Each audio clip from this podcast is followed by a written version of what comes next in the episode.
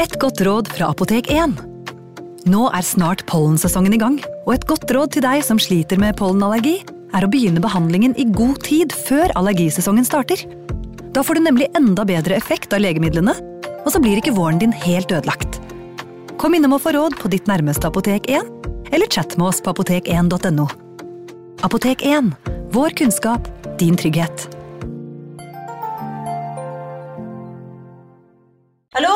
Jeg kommer fra Oslo politikammer.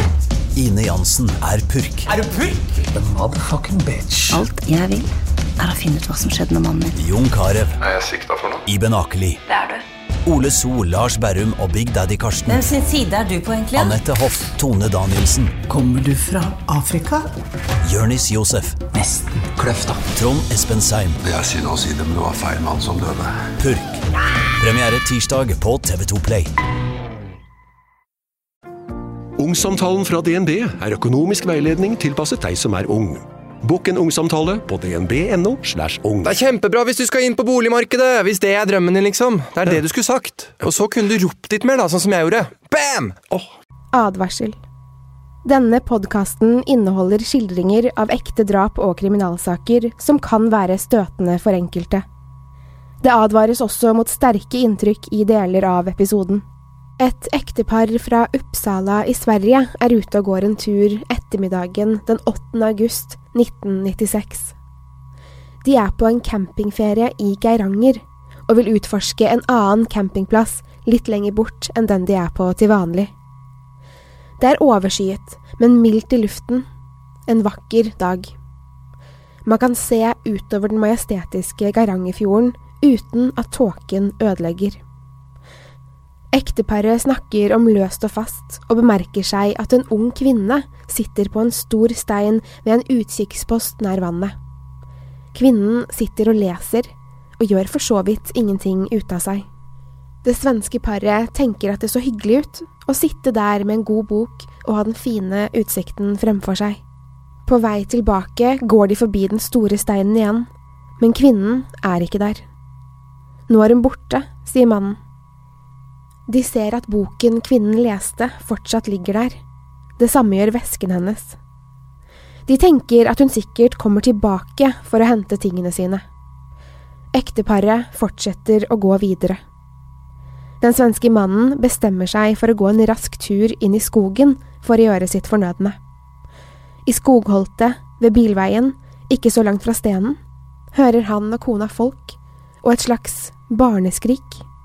De bestemmer seg for å gå litt lenger opp langs veien for å se hva lyden er. En mann og en jente, kanskje far og datter, kan sees litt lenger opp i veien paret står ved. Eller mannen står, og jenta ligger med ryggen mot dem. Den svenske mannen veksler blikk med han som står ved jenta et kort øyeblikk, og bestemmer seg for å snu og gjøre sitt fornødne et annet sted. Etter han er ferdig, snur han seg. Jenta og faren er borte, og den svenske mannen stusser litt over at de forsvant så fort. Han spør kona om hun så de to som var lenger borti veien, men kona rister på hodet. Hun så ingen. Det svenske ekteparet tenker ikke så mye mer over denne episoden før senere. Ikke før de hører at Trude Espås er forsvunnet. Velkommen til True Crime Podden.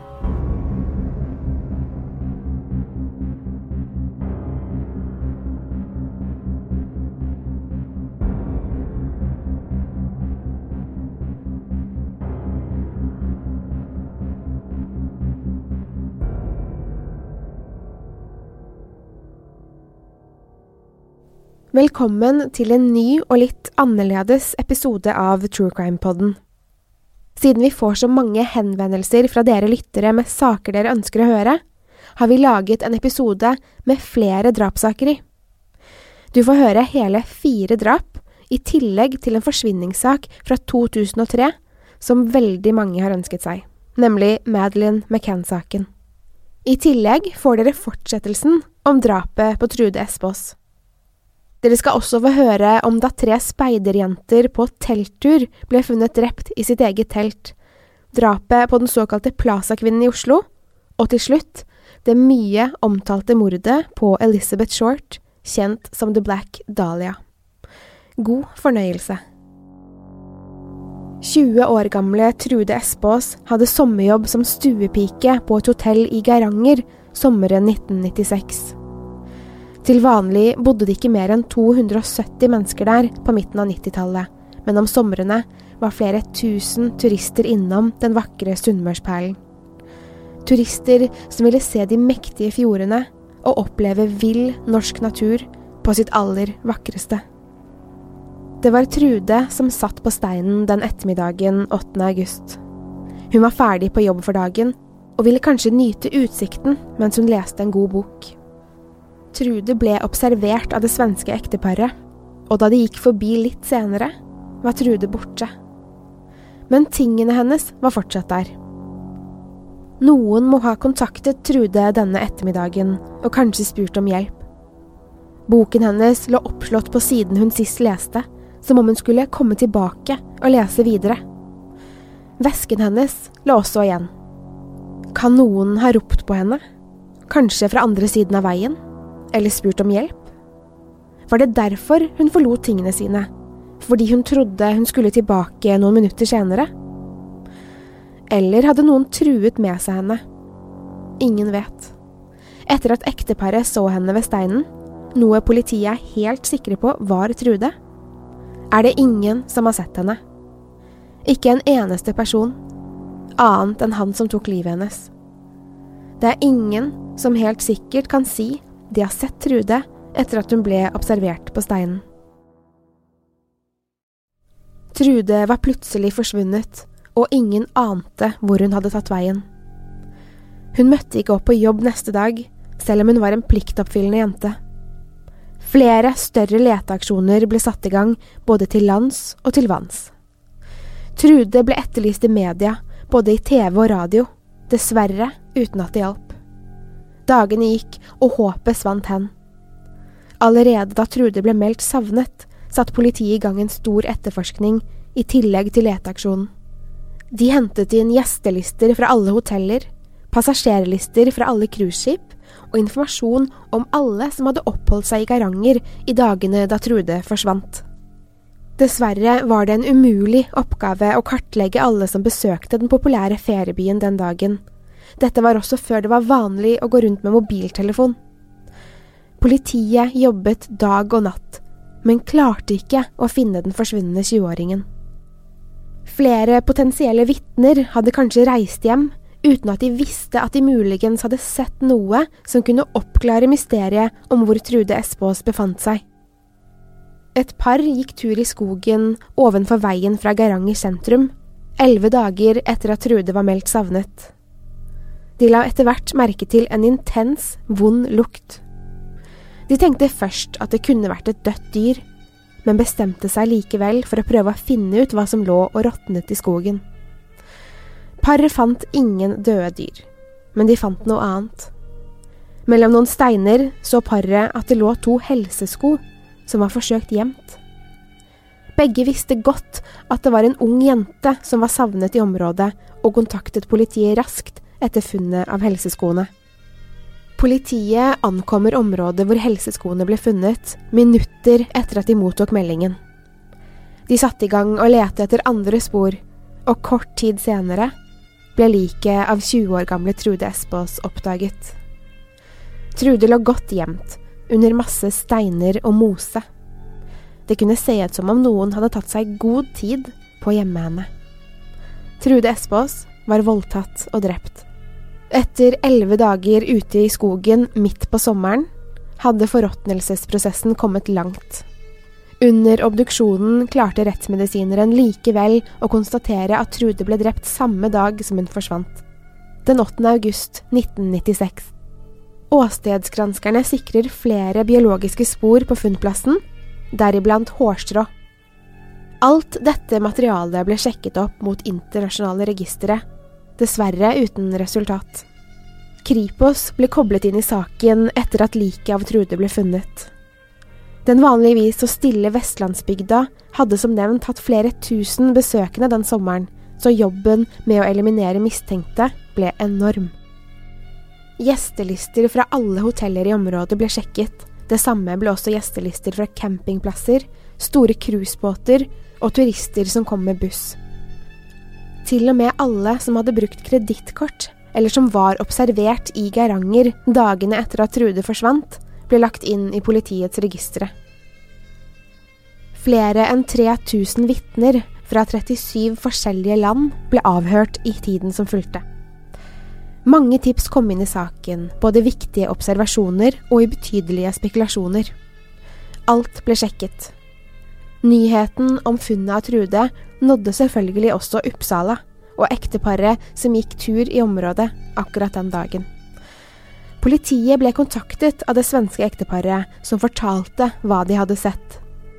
Det viste seg at observasjonen av de to oppe i skogen kunne ha vært Trude og hennes drapsmann.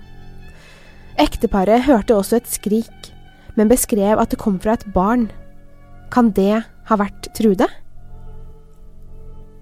Mange menn er blitt avhørt i saken, men ingen av intervjuene førte frem. For alt politiet vet, kan gjerningsmannen være på andre siden av jordkloden. En kvinne fortalte etter hvert politiet at en tysktalende mann kontaktet henne samme dag som Trude forsvant, og prøvde å få henne til å bli med seg. Det ble laget en fantomtegning av denne mannen i en blåstripete T-skjorte som trolig var tysk, men han er enda ikke identifisert. Om han faktisk var tysk, kan han ha reist tilbake til Tyskland og ikke fått med seg at han nå er et interessant vitne. Eller så kan han ha rømt fordi han hadde grunn til det.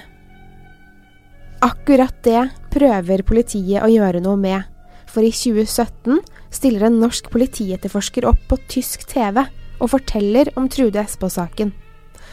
Mange tips begynner å strømme inn igjen, men dessverre er drapssaken fortsatt uløst. Politiet har foreløpig ingen annen enn den tyske mannen i den blåstripte T-skjorten å gå etter, men alle de nye tipsene etter innslaget på tysk TV vil forhåpentligvis føre frem. Mannen i den blåstripte T-skjorten er per i dag etterlyst internasjonalt, selv 20 år etter drapet, og mannen som drepte Trude, er fortsatt ukjent.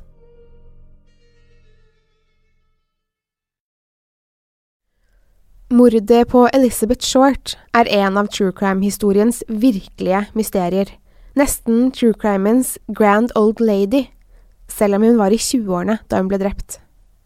Omstendighetene rundt mordet og funnstedet er intet mindre enn fascinerende. Åstedet er dramatisk, i ekte Hollywood-stil. Mordet har inspirert forfattere og filmskapere siden slutten av 40-tallet, og vi får et aldri så lite gjenhør med deres favoritthotell, nemlig Hotell Cecil. Her er mordet på The Black Dahlia. Elizabeth Short ble født den 29. juli 1947 i Boston, Massachusetts. Hun var nummer tre i en søskenflokk på fem, hadde hardtarbeidende foreldre og vokste opp i Medford, en liten forstad til Boston. Faren til Elizabeth bygget minigolfbaner og tjente overkommelig på det. I 1929 tapte han dessverre nesten alle familiens penger i det store børskrekket. Ett år senere forsvant Elizabeths far, og både familie og venner trodde han hadde begått selvmord, som så veldig mange andre gjorde i ettervirkningene som fulgte børskrekket. Seks år senere kom det brev fra California, adressert til Elisabeths mor. Brevet var fra faren, som unnskyldte seg for at han forlot dem i økonomisk ruin. Han fortalte videre at han hadde startet et nytt liv i California. Siden datteren Elizabeth slet med astma, valgte hun noen år senere å flytte til faren sin, der klimaet var varmere og mildere. Det som skulle være en idyllisk og kjærlig gjenforening mellom far og datter, ble alt annet enn slik de håpet. Elizabeth og faren kranglet ofte og høylytt, og Elisabeth bestemte seg for å flytte fra faren sin. Hun ville nemlig bli skuespillerinne, og valgte å prøve lykken i Los Angeles, etter hvert Hollywood.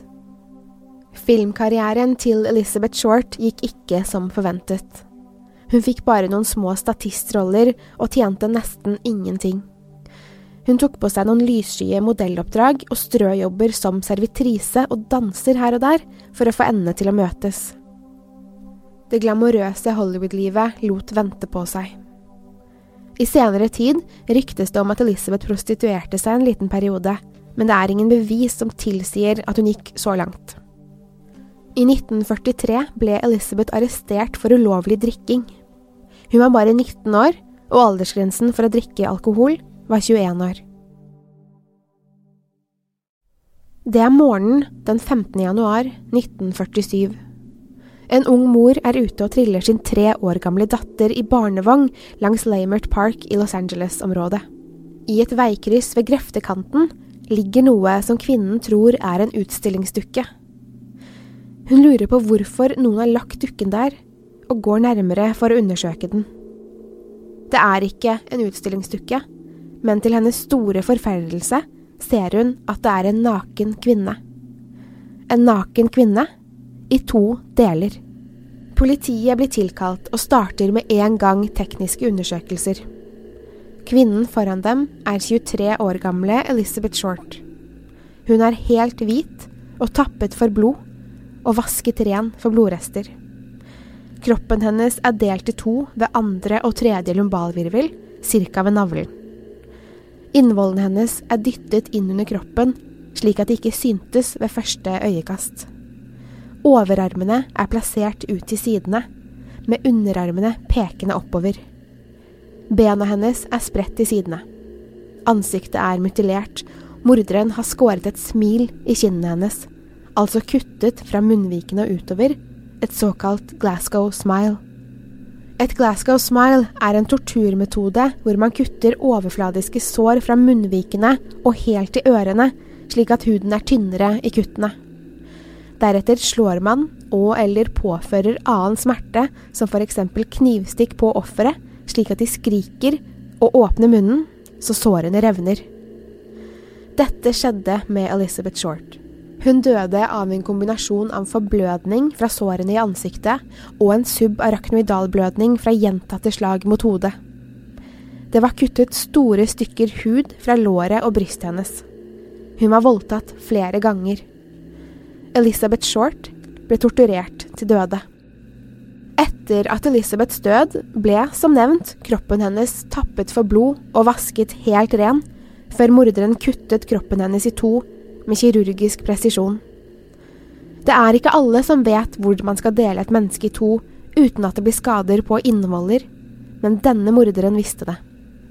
Derfor begynte politiet å tro at det kan ha vært en lege eller kirurg i alle fall en med inngående kjennskap til anatomi, som drepte Elizabeth Short. Drapet ble snart slått opp stort i media og fikk tilnavnet The Black Dahlia-mordet av pressen, fordi Elizabeth likte å kle seg i svart og hadde flott, mørkt hår. På et av de siste bildene tatt av Elizabeth i live har hun på seg en svart drakt, et bilde som ble mye brukt i pressen. På slutten av 40-tallet, men også i dag, pleide avisen å gi kallenavn til høyprofilerte drapssaker, og The Black Dahlia-mordet fikk stor oppmerksomhet. Elizabeth vanket en del på det beryktede Cecil Hotel i månedene før hun døde. Møtte hun kanskje morderen der? Mordet på Elizabeth Short er enda ikke løst, selv om flere enn 60 kvinner og menn gjennom årene har hevdet å være morderen. Det ble etterforsket tilknytninger til seriemordere i andre byer, men ingen klar forbindelse er funnet.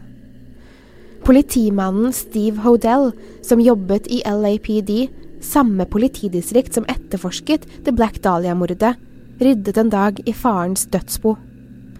På loftet fant han et skrin med gamle fotografier, og et bilde fikk det til å gå kaldt nedover ryggen hans.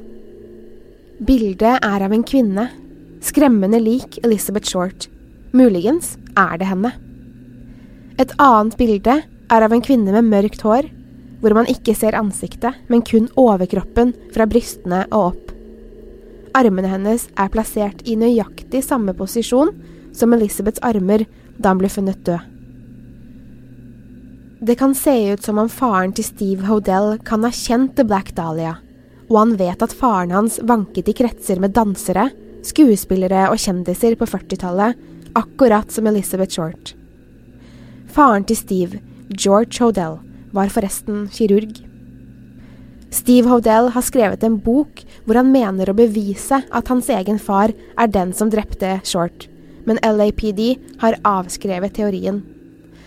Black Dahlia-mordet er fortsatt uløst.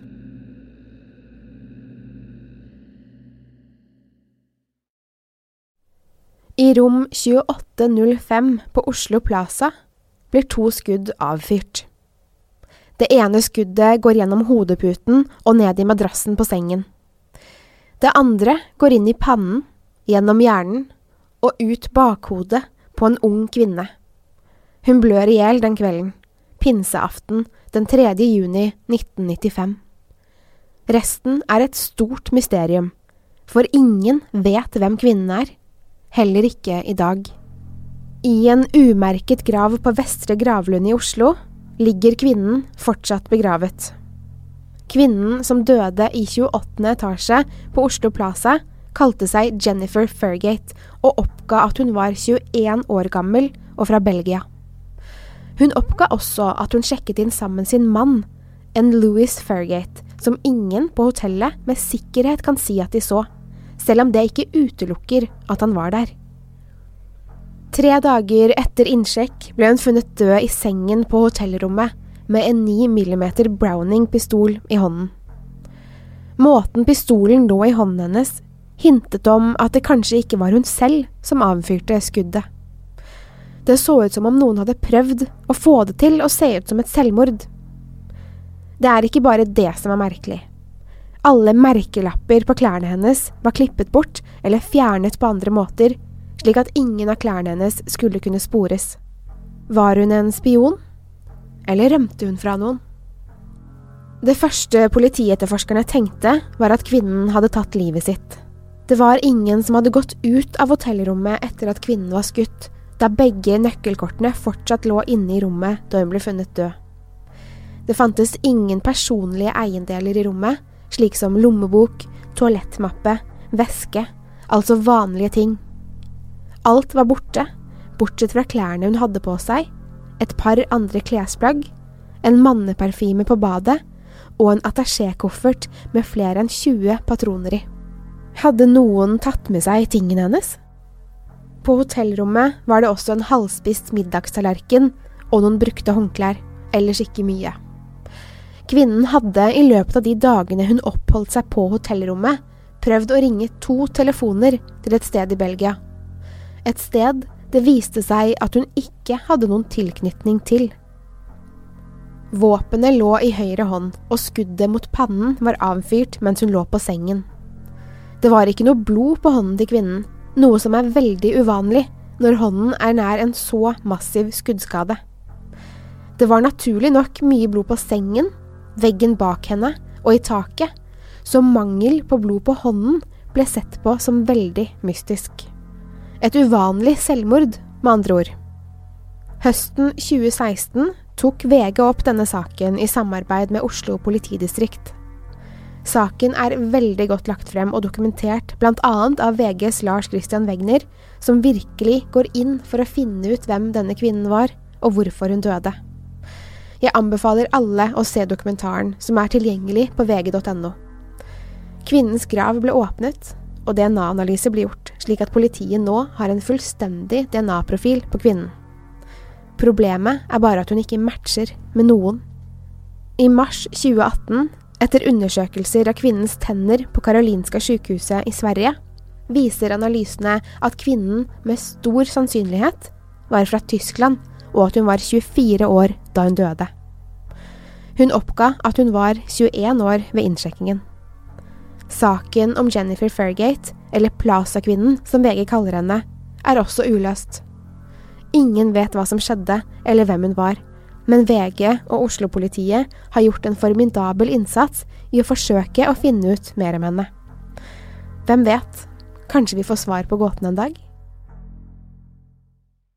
Den 13. juni 1977 hadde det stormet hele kvelden. Lynet lyste opp himmelen og skogen der speiderleiren Camp Scott i Mace County holdt til. Leiren var for jentespeidere, og de tre venninnene Laurie på åtte, Michelle på ni og Doris på ti år skulle sove i samme telt, i telt nummer åtte. Leiren var lagt opp slik at teltene lå i en slags halvsirkel, hvor speiderledernes telt lå i midten. Teltet til Laurie, Michelle og Doris lå lengst bort fra ledernes. Som nevnt var det torden, lyn og kraftig regn den kvelden. Det blåste og var ganske kaldt. Derfor ble speiderjentene oppfordret til å holde seg varme i teltene sine sammen, noe alle på leiren gjorde. Etter hvert som natten kom, roet uværet seg. En av speiderlederne våknet et par ganger i løpet av natten av noen merkelige lyder.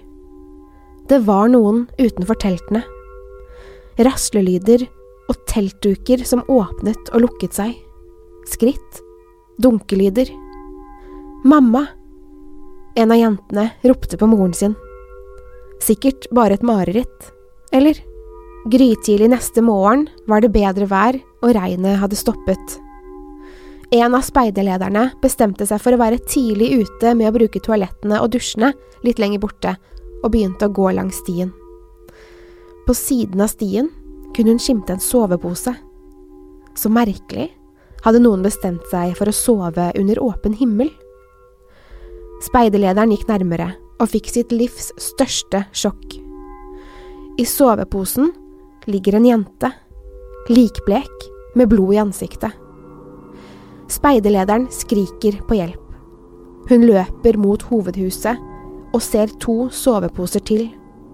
Enda to jenter ligger døde.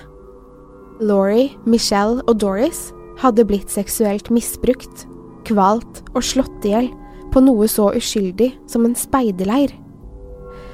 I løpet av natten hadde noen drept jentene. Heldigvis var ingen andre skadet, fysisk. Men de som var på leiren den natten, skulle aldri komme over det som skjedde. Politiet tilkalles, og jentens foreldre mottar den verste beskjeden en kan få. At jentene deres aldri skal komme hjem.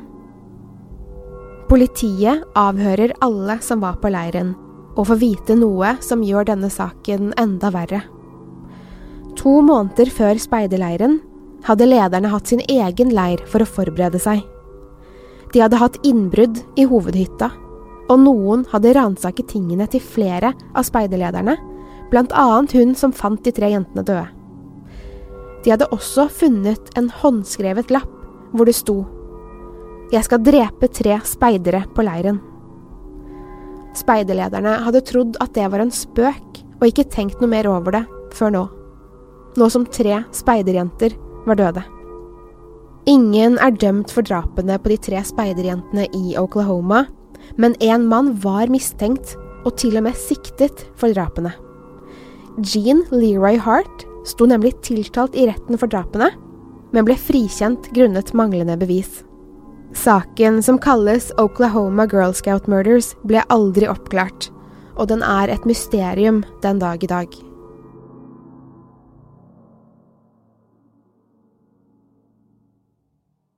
Vi er i Portugal, nærmere bestemt Praia da Luz, kvelden den 12. mai 2003. Gary og Kate har lagt de tre barna sine, tvillingene Emily og Sean på to år, og storesøster Madeline på nesten fire år. Familien hadde tilbrakt noen herlige dager på Algarvekysten sammen med et vennepar. Gary og Kate var ute og spiste middag med vennene sine, rett ved leiligheten de bodde i. Foreldrene byttet på å se til de sovende barna, de gikk inn i leiligheten annenhver gang, cirka hver halvtime. Klokken 22 skulle Kate inn og se til barna.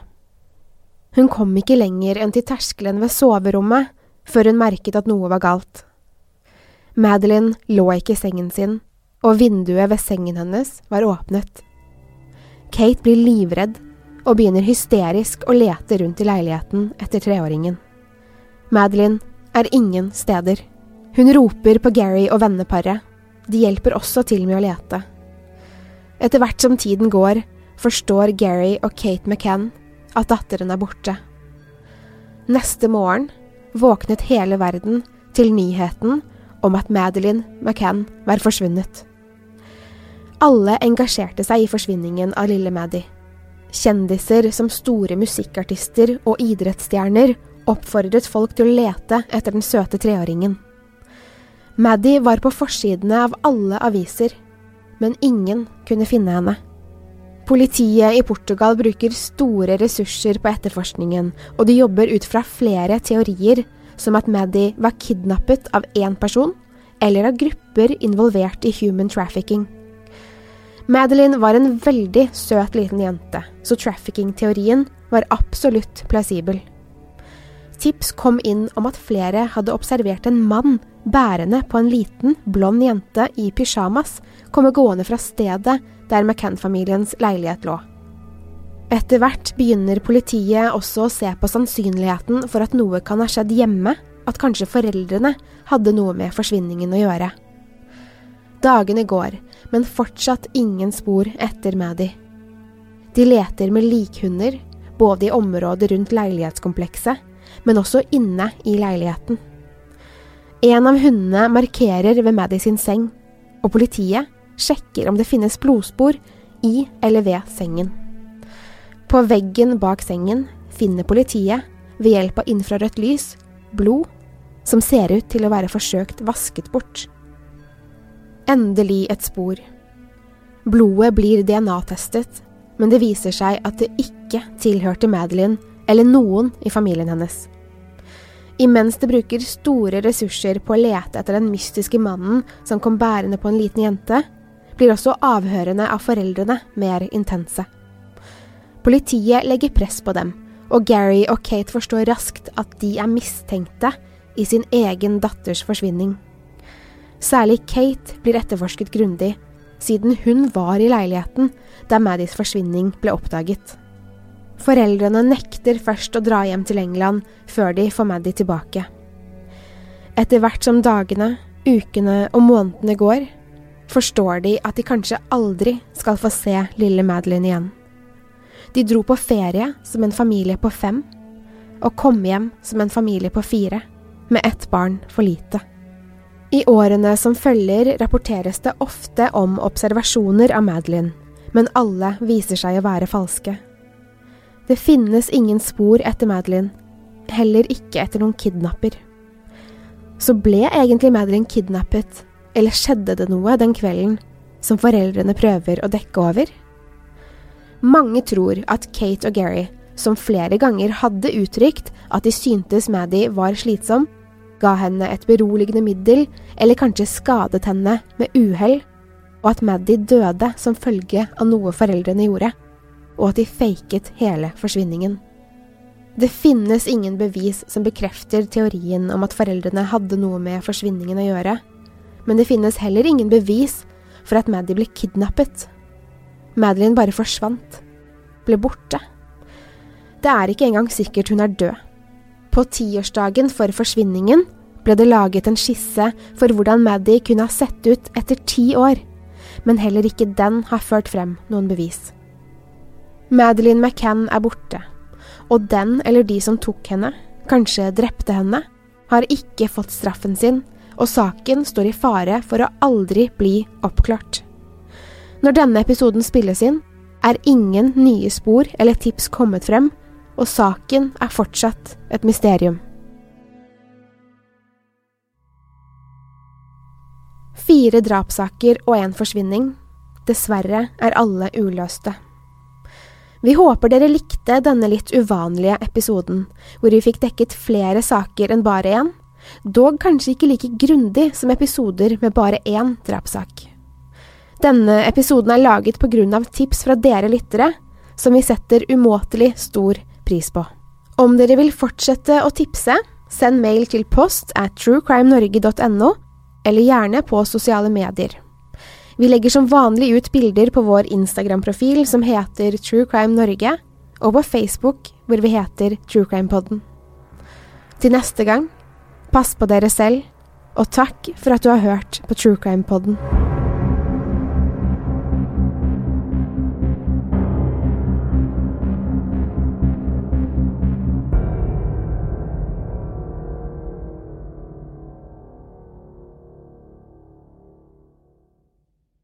Har du et enkeltpersonforetak eller en liten bedrift? Da er du sikkert lei av å høre meg snakke om hvor enkelt det er med kvitteringer og bilag i fiken, så vi eh, gir oss her, vi. Fordi vi liker enkelt. Fiken superenkelt regnskap. Hei! Takk for at du lytter til True Crime Podden. Skulle du ønske at du kunne høre en ny episode av denne podkasten hver eneste uke? Vel, da er det bare å laste ned podkastappen Untold med en gang. I tillegg til ukentlige episoder av podkaster som Skrekkpodden, Synderne og Henrettelsespodden, får du masse annet reklamefritt og eksklusivt innhold. Last ned Untold i AppStore eller Google Play, og start din 30 dagers prøveperiode i dag.